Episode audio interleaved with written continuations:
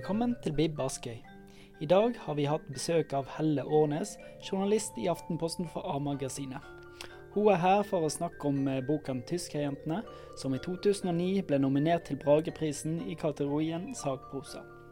Boka har igjen blitt aktuell i forbindelse med at statsminister Erna Solberg på vegne av den norske staten i fjor kom med en offisiell unnskyldning til de såkalte tyskerjentene for dokumenterte overgrep begått av den norske stat. God fornøyelse. Takk. Hallo, hallo, alle sammen. Takk for invitasjonen og introduksjonen. Det er veldig fint for meg å komme og snakke om et tema. Jeg har jo jobbet med det i eh, ja, hva blir det, elleve år omtrent. Eh, det var litt tilfeldig at, at jeg, kom over et tema jeg var på et uh, litt lengre opphold i Tyskland, i Berlin. Skulle jobbe der. Det gikk som passe egentlig med den andre jobbingen. Og så plutselig så dukket dette opp, og så var det et veldig fint tema for meg å begynne å se litt på. Og, og det har jo etter hvert så har det jo blitt både eh, en fin artikkelserie i BT og en bok som sikkert kan lånes her. og uh, har vært med på å utvikle et par utstillinger som har gått litt rundt omkring i landet. Og så uh, har vært med da, i forbindelse med uh, Solberg, Erna Solbergs, vår kjære uh, land, landskvinne. Men vår felles Hva heter det? Vi har felles hjemby med statsministeren. når hun, satt og, hun og andre satt og prøvde å konkretisere hva som hadde skjedd med tyskerne hva de skulle unnskylde. da på en måte. Så var jeg litt med på å gi litt innspill til det. Så jeg har fulgt med litt sånn pø om pø, uh, egentlig. Og så, så, ble det jo da 17.10. i fjor uh, framført en, hen, altså Norges unnskyldning til uh, tyskerjentene i statsministerbo, Statsmi representasjonsboligen i Parkveien i Oslo. Der var jeg med, og det var selvfølgelig utrolig fint. Der for meg har dette som fagperson så har det jo vært en gave å få lov å jobbe med noe som føles både viktig og spennende. Uh, som ikke har vært så veldig mye belyst heller, egentlig. Um, så jeg tenker jeg skal bare fortelle litt nå. Lese litt opp og fortelle. Og så kan jo dere, hvis dere vil, etterpå stille noe, og gjerne underveis òg, men bare stille spørsmål hvis dere føler for det. I et hull i jorden under en luke i gulvet lå 23 år gamle Else og skalv. Over hodet hennes trampet norske offiserstøvler. Og det var våren 1945, fredsvåren. Tyskland hadde tapt krigen, og nå var rollene snudd. For i leirer rundt omkring i Norge så satt det nå tyske soldater. De ventet på at de skulle bli sendt ut. Unge Else var forelsket i en av disse tyske soldatene, og nå hadde hun sneket seg inn i leiren der han satt internert. Hun visste at om hun ble oppdaget, så ville livet hennes bli endret for alltid. Og det gikk jo som det måtte gå. Eh, selvfølgelig ble hun oppdaget. For Else og tusenvis av andre tyskerjenter så ble freden begynnelsen på en helt ny krig. 3.6.1946, eh, altså over ett år etter frigjøringen, så ble hun og hennes nyfødte baby, Reidar Karl Heinz, deportert ut av Norge til et Tyskland som var jo da fullstendig i ruiner. I mellomtiden så hadde hun sittet uh, internert i en leir for par sammen med sin, hennes, hennes mann Erik. Noe av det beste med å, å være journalist er jo det at det er alle folkene du møter.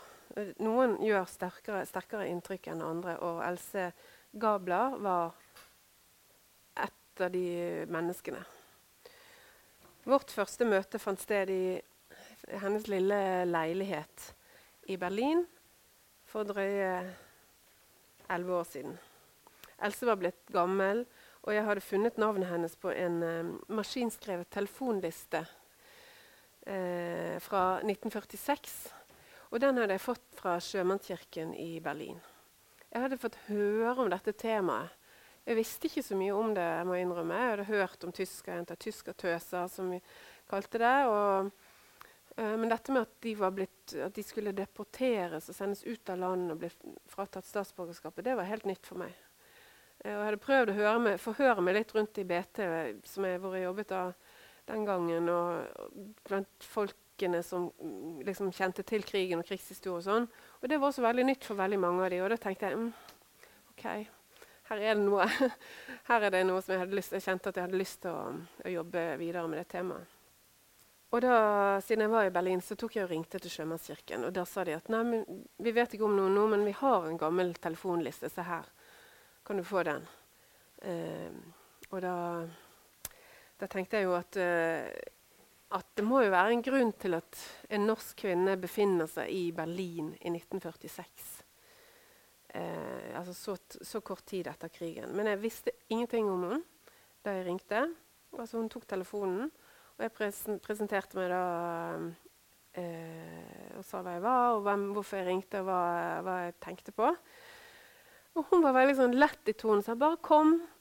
Eh, veldig sånn lett i tonen, åpen i stemmen. Og jeg husker at jeg tenkte ja, det kommer sikkert til å ta en sånn times tid, kanskje. Men jeg satt der i fire og en halv time, da, for det, det bare liksom, bare, det bare, hun bare fortalte og fortalte og fortalte. og fortalte. Og, og for meg var det helt eh, si, Det var helt sånn rystende å høre det hun fortalte. For hun snakket veldig sånn lett om det, og var ikke noe sånn fokusert på at hun hadde hatt det tungt eller vondt eller vanskelig. Tvert imot, hun var veldig fornøyd og hadde hatt et godt liv og levde jo da livet ut med Erich. Men um, hun bare liksom nevnte plutselig sånne ting som at hun var jo blitt ja, så, så, var vi jo i leir, vet du. sant? Og, var du i leir? Ja, hvilken leir da? Så det kom sånne ting hele tiden. Og jeg var, helt, jeg var jo helt blank på feltet, så jeg visste jo ingenting om dette. Så, um, så det var ganske rystende, og det var nytt for meg. Og, men, og ganske raskt så skjønte jeg at det var jo um, nytt for egentlig de fleste andre òg. Det var veldig få som jeg snakket med, som hadde hørt om dette i det hele tatt.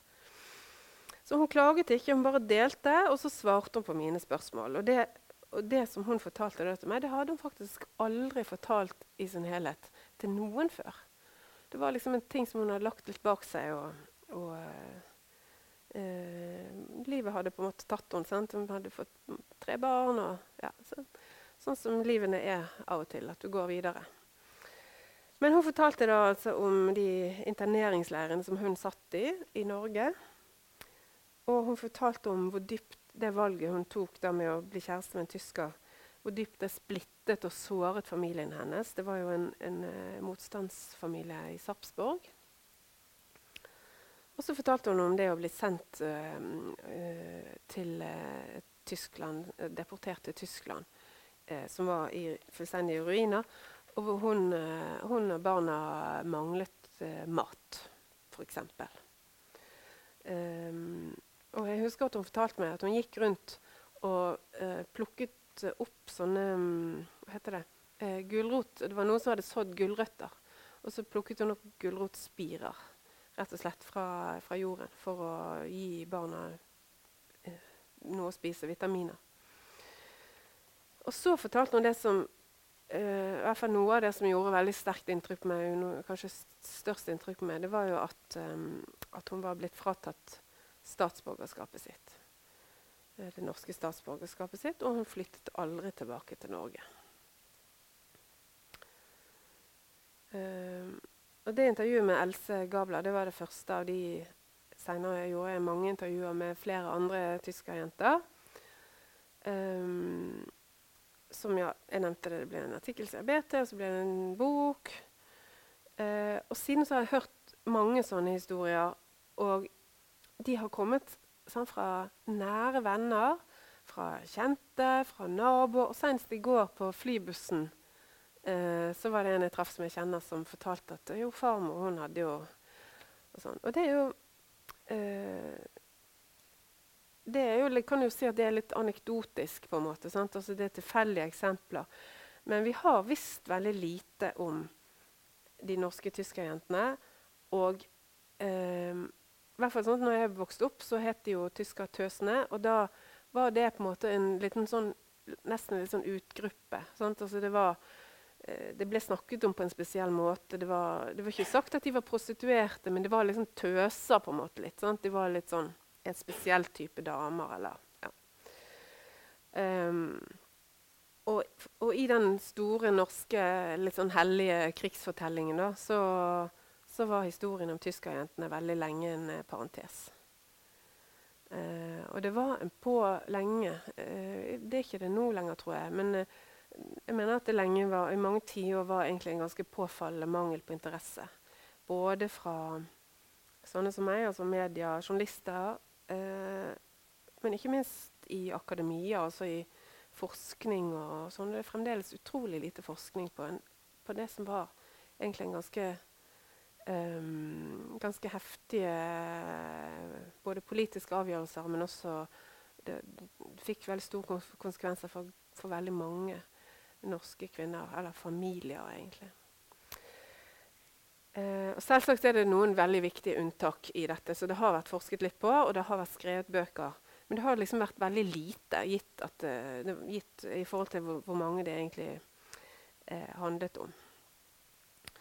Vi vet ikke helt sikkert hvem tyskerne var som gruppe. Vi vet ikke hvor mange de var, sikkert. Vi vet heller ikke hvor de kom fra, verken sosialt eller liksom geografisk. Og vi vet heller ikke så veldig mye om hvordan de sto sånn rent politisk. Eh, men det som vi vet, er at eh, mellom 10 000 og 12 000 av de fikk barn eh, med sin tyske mann. Og da, hvis du skal liksom begynne å regne litt på det, da, så det er jo ikke alle som får barn. sant? Um, langt ifra, egentlig. Så hvis, hvis det ble barn av hvert femte forhold, da, så kan vi jo gange 10 000 eller 12 000. Litt, vi er litt usikre på hvor mange barn det egentlig handler om, men da kan vi gange det opp med fem. Eksempel. Og da må de ha vært mellom 50 000 og 60 000 eh, tyske jenter. Eh, noen forskere mener at de kan ha vært så mange som 100 000 jenter. Jeg har lagt meg på et ganske konservativt mener jeg selv, anslag, da, eh, som er at mellom 40 000 og 50 000 kvinner hadde forhold til menn i tysk tjeneste. Og Den gangen så var vi tre millioner mennesker i Norge. Halvparten av de var damer. Hvis du går på den aldersgruppen, som er da mellom 18 og 35 f.eks., så, er det, så er det 10% av kvinner i den aldersgruppen. Så uansett hvilke tall vi opererer med, så vet vi at det var rett og slett ganske vanlig for norske kvinner å, å ha et forhold til tyske menn under krigen. Og det var, helt, det var for meg veldig sånn overraskende å, å erkjenne. For en, jeg hadde vokst opp med tanken om, med et helt annet bilde. Um, og så vet vi at uh, blant de tyskerjentene som, som vi kjenner og vet om, så var det færre som var innmeldt i NS enn det, en, en, enn det som var snittet for resten av befolkningen. Så de fleste var rett og slett ikke så veldig politisk engasjert.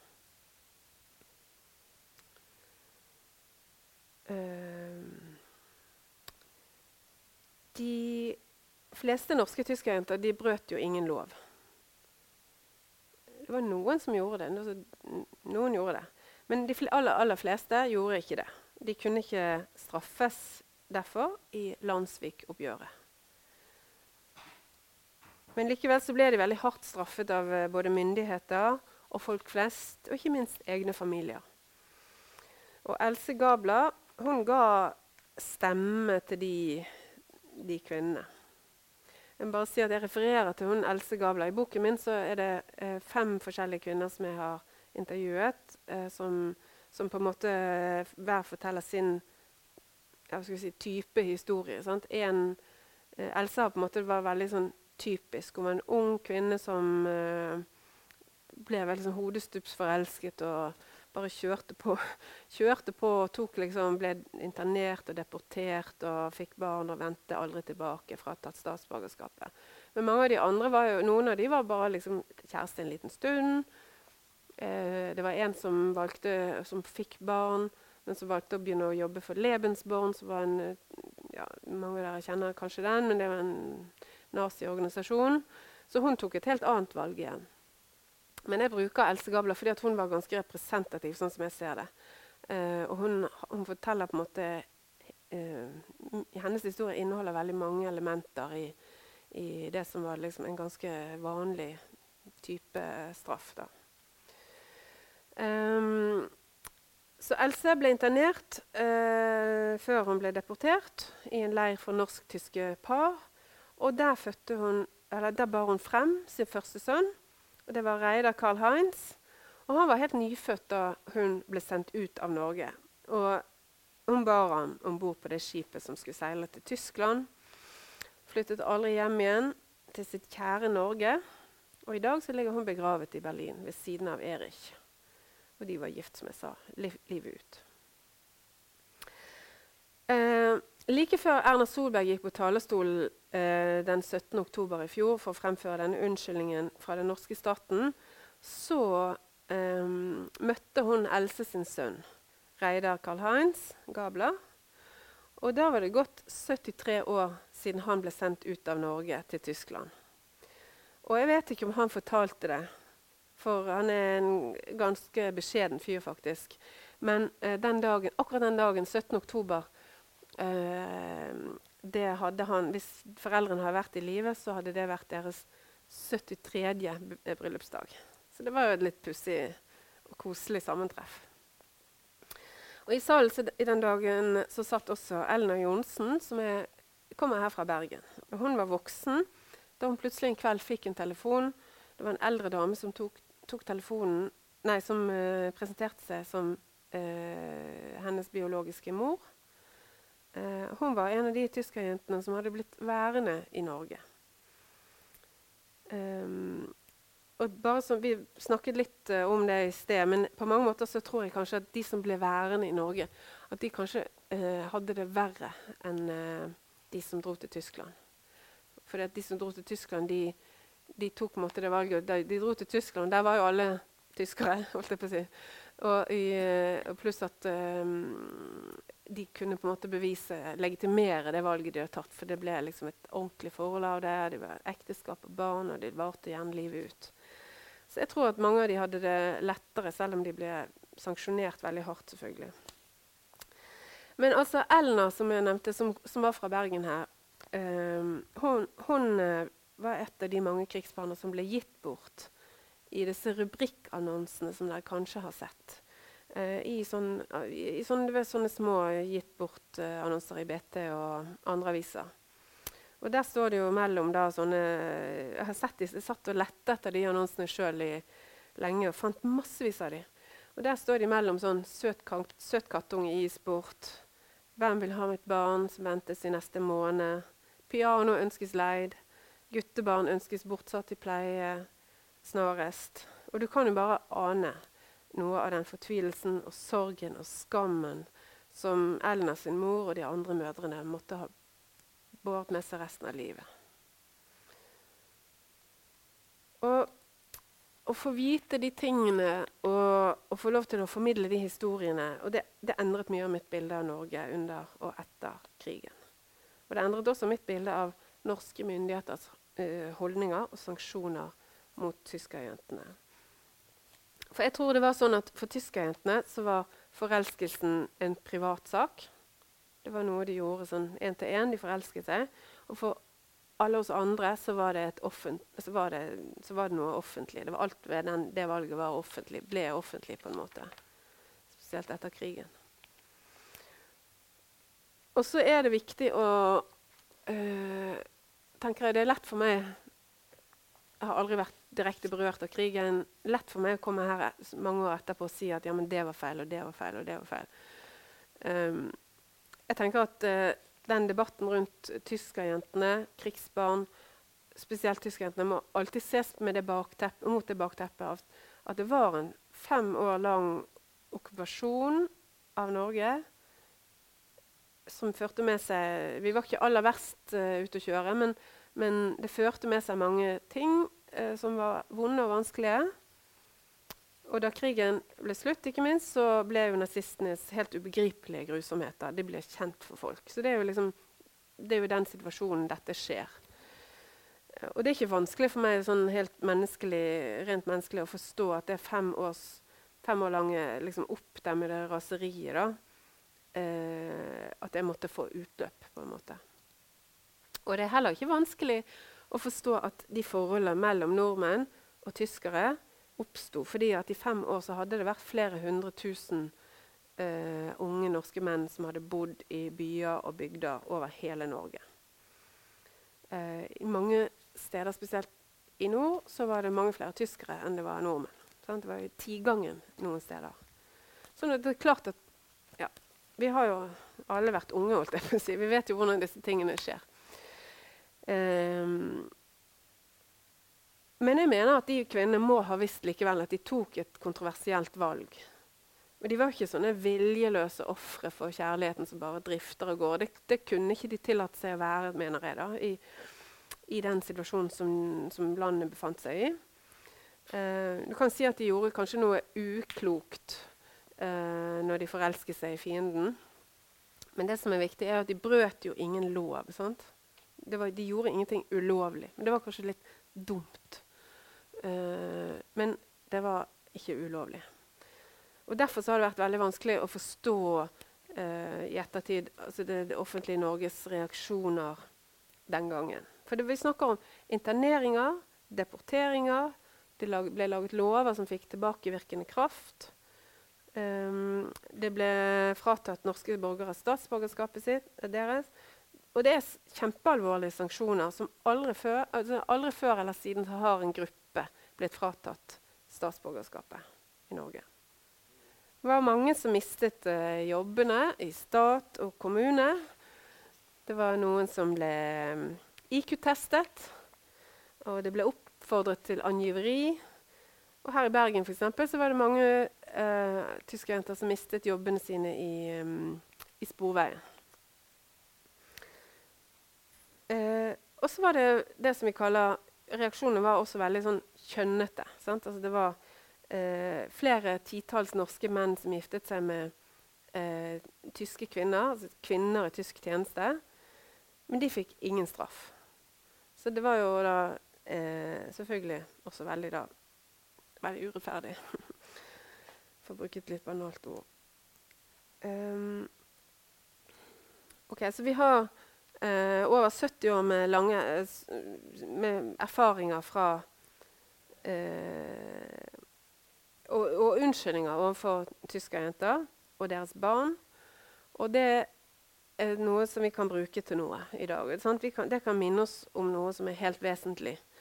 Eh, at det er i de aller vanskeligste spørsmålene at de liksom, rettsstatlige prinsippene må stå fast det er når liksom, mobben kvesser saksene, og det er da myndighetene må stå helt fjellstøtt.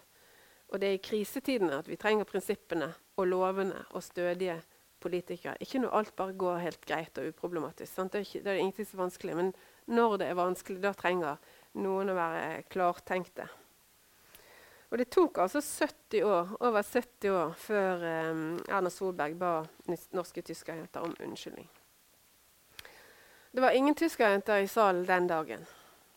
Og det var fordi at fleste av de da var for lengst døde. Eh, og den unnskyldningen var fin, og det var fint at den kom, men den kostet jo ikke så veldig mye. Verken i form av penger eller innrømmelser. Eller politisk kontrovers, for den saks skyld.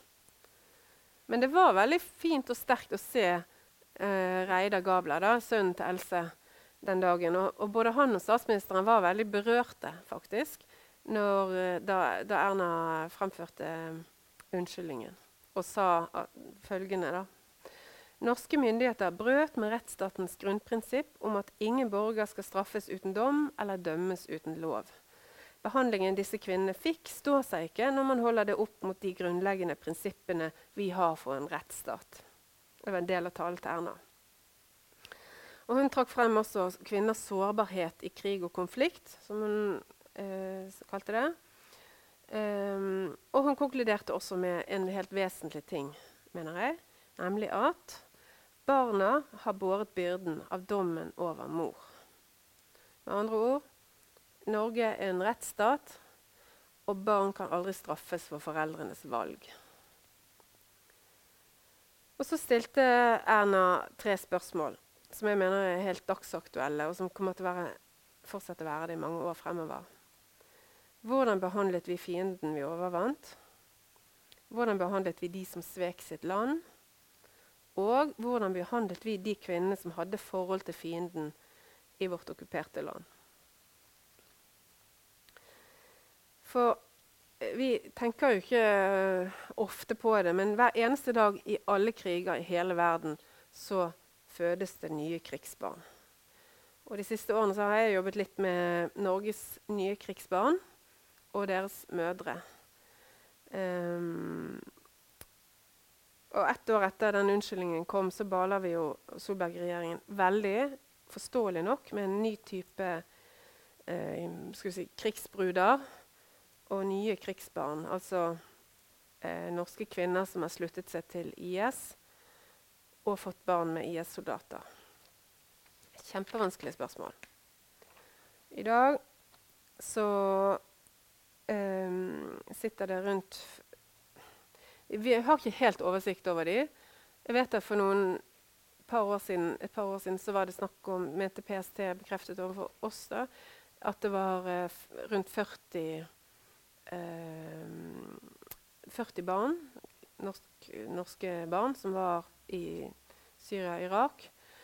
Eh, noen er døde, andre er forsvunnet, eh, i likhet med mødrene deres. Eh, vi vet om nå uh, at det sitter fem kvinner og seks barn i, av, av, norske jihadister og IS-tilhengere i helt sånn elendige forhold i interneringsleirer i Syria og Irak. Fem barn ble hentet hjem i juni. Uh, og dette er jo barna som vi kaller for IS-barna, og mødrene deres kaller vi for IS-kvinnene. Eh, for i likhet med tyskerungene tyskerjentene, så er de døpt og definert av foreldrenes valg. Eh, med tyskerjentene de fikk tyskerbarna, og med IS-kvinnene IS-kvinnene så følger IS-barna. Særlig, og det, og det, er litt sånn vanskelig å dra uh, denne sammenligningen. Og det har, jeg har gjort det, jeg har en gang fått en veldig, Det var en som satt i salen her, som reagerte veldig på det. Jeg vet ikke hvorfor. Han reiste seg og sa at det ikke dette er kommet for å høre, så han reiste seg og gikk. Uh, jeg kjenner ikke bakgrunnen hans, men, eh, men ja, det kan vi bare det, ja, det kjenner jeg ikke, det kan jeg bare spekulere på. Uh, og jeg mener at det, særlig når det gjelder uh, mødrene, så finnes det også helt vesentlige ulikheter. Det må jeg bare si. IS-kvinner dro fra Norge frivillig.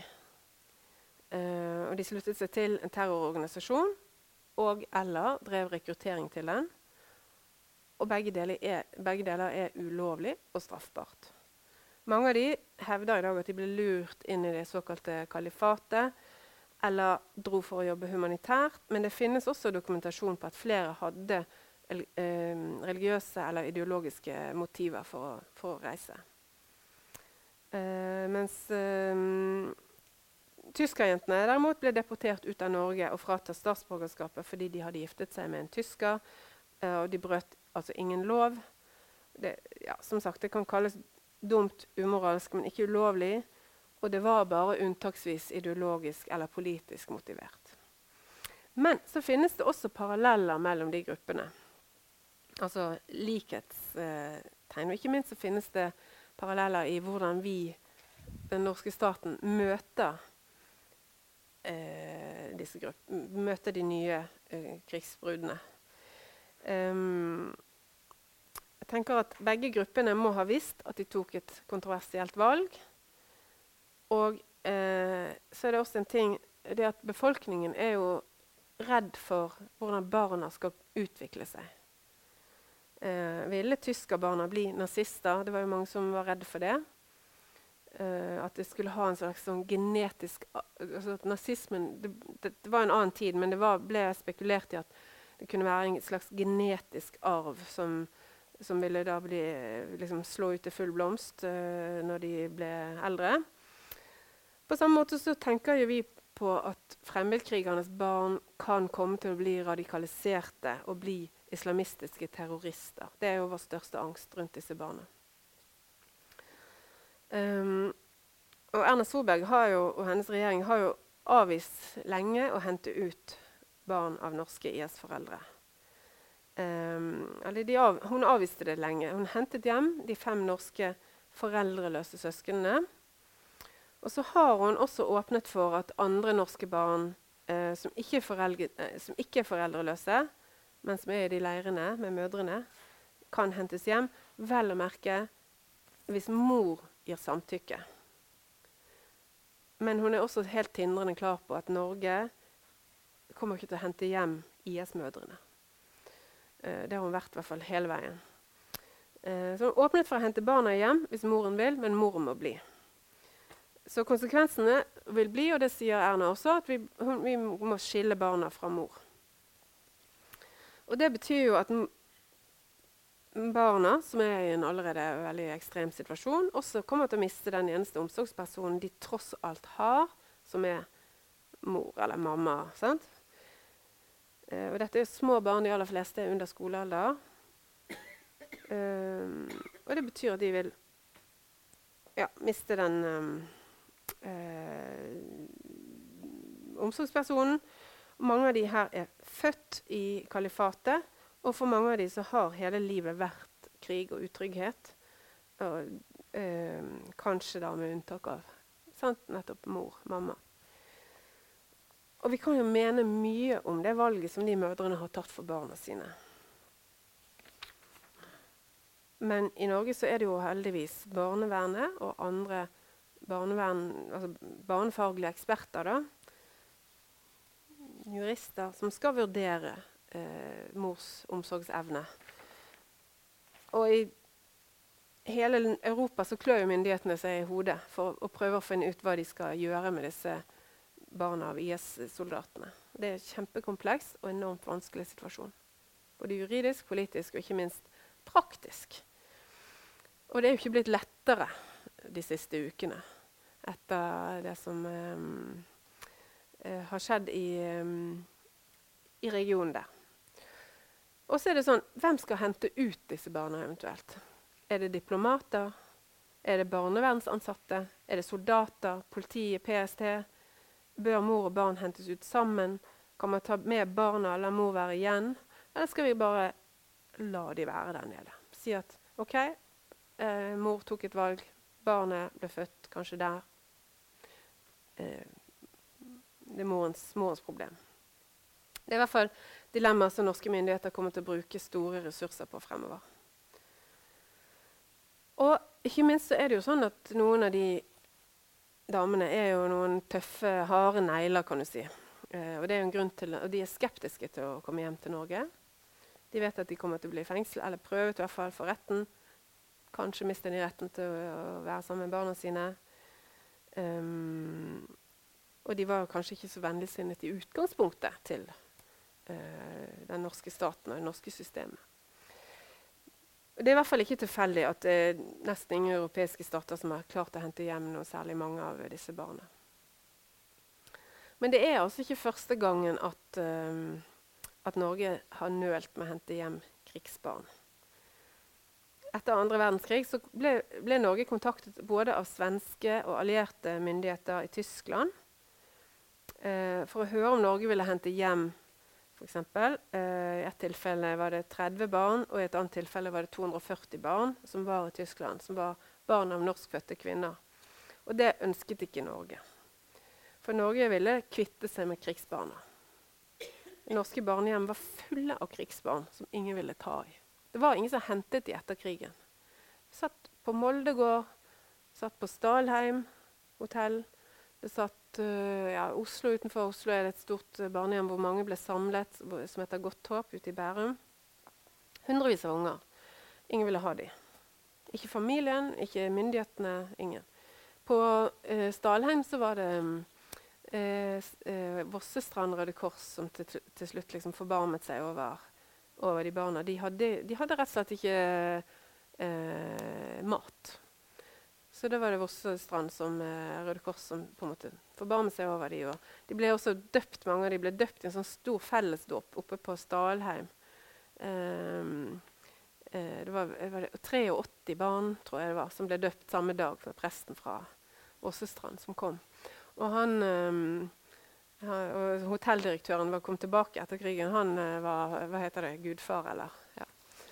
Så han fikk seg jo litt av en unge flokk der og da.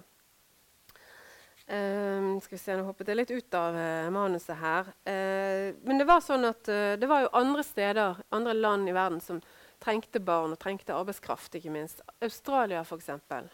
De fikk faktisk tilbud fra norske myndigheter om å få mange hundre krigsbarn. Så de kom til Norge, representanter for Australia og australske myndigheter kom til Norge. Og så møtte de norske myndigheter først på dette barnehjemmet Godt Håp ute i Bærum. Og så gikk de og så, så de på tyskerbarna der. Um, og så spiste de lunsj, dro inn igjen til Oslo på Frognerseteren, spiste lunsj der. Um, og den avtalen ble jo aldri noe av. Vi vet ikke helt hvorfor. Men det var reelle måte, forhandlinger som var satt, satt, i verk. Det ble ikke noe av. Uh, den 17. oktober i fjor avsluttet Erna Solberg sin unnskyldning til tyskerjentene med å påpeke at Norge ikke handlet som en rettsstat den gangen.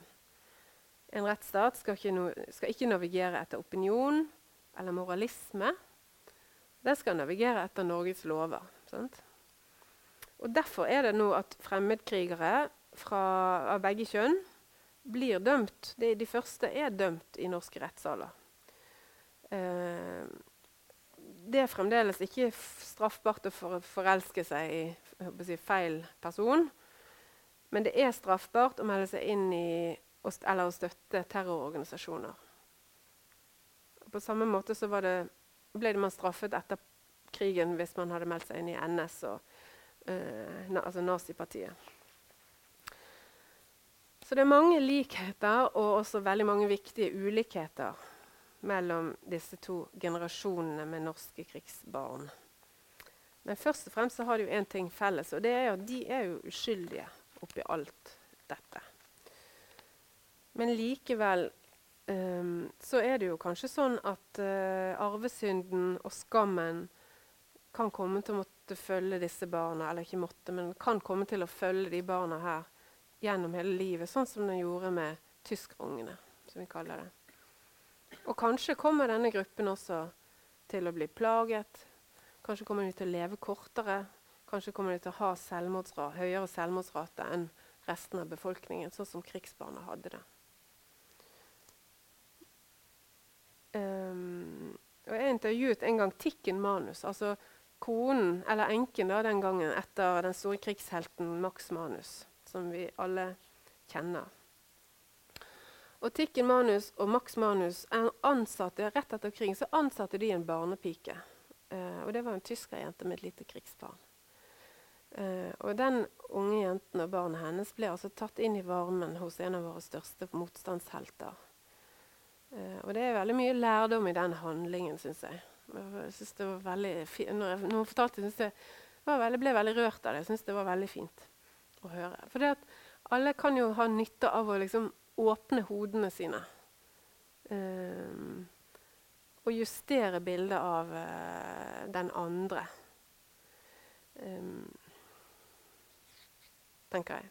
Det er jo, det er derfor vi det er derfor det er viktig å fortelle histor om historien, hva som har skjedd før. Det er jo fordi vi kan bruke det i dag. Vi kan, vi, kan, justere oss selv på liksom vår, vår vei videre 50, 100, 200 år etterpå. Men heldigvis så er det sånn at det er verken dere eller jeg som skal avgjøre eh, de nye krigsbarnas fremtid. Det er det jo barnefaglige myndigheter og et prinsippfast, eh, prinsippfast rettsvesen som skal. Og om ikke vi klarer å ta imot dem med varme hjerter, så må vi i hvert fall eller i hvert fall, må i hvert fall samfunnet klare å måte holde hodet kaldt. Um, den unnskyldningen til tyskerjentene som kom i fjor, den kan vise vei for oss som lever i dag. For det at vi vet at kvinnekroppen fremdeles er det sånn at den under I mange kriger så er den, regnes den som nasjonens eiendom, eller militsens eiendom, eller i hvert fall krigsherrenes eiendom. Um, så vet vi at det er et veldig sterkt press nå i tidligere demokratier på rettsvern og liberalitet. Og så vet vi at det fødes krigsbarn hver dag. Og vi vet at eh, 30-40 av de er norske.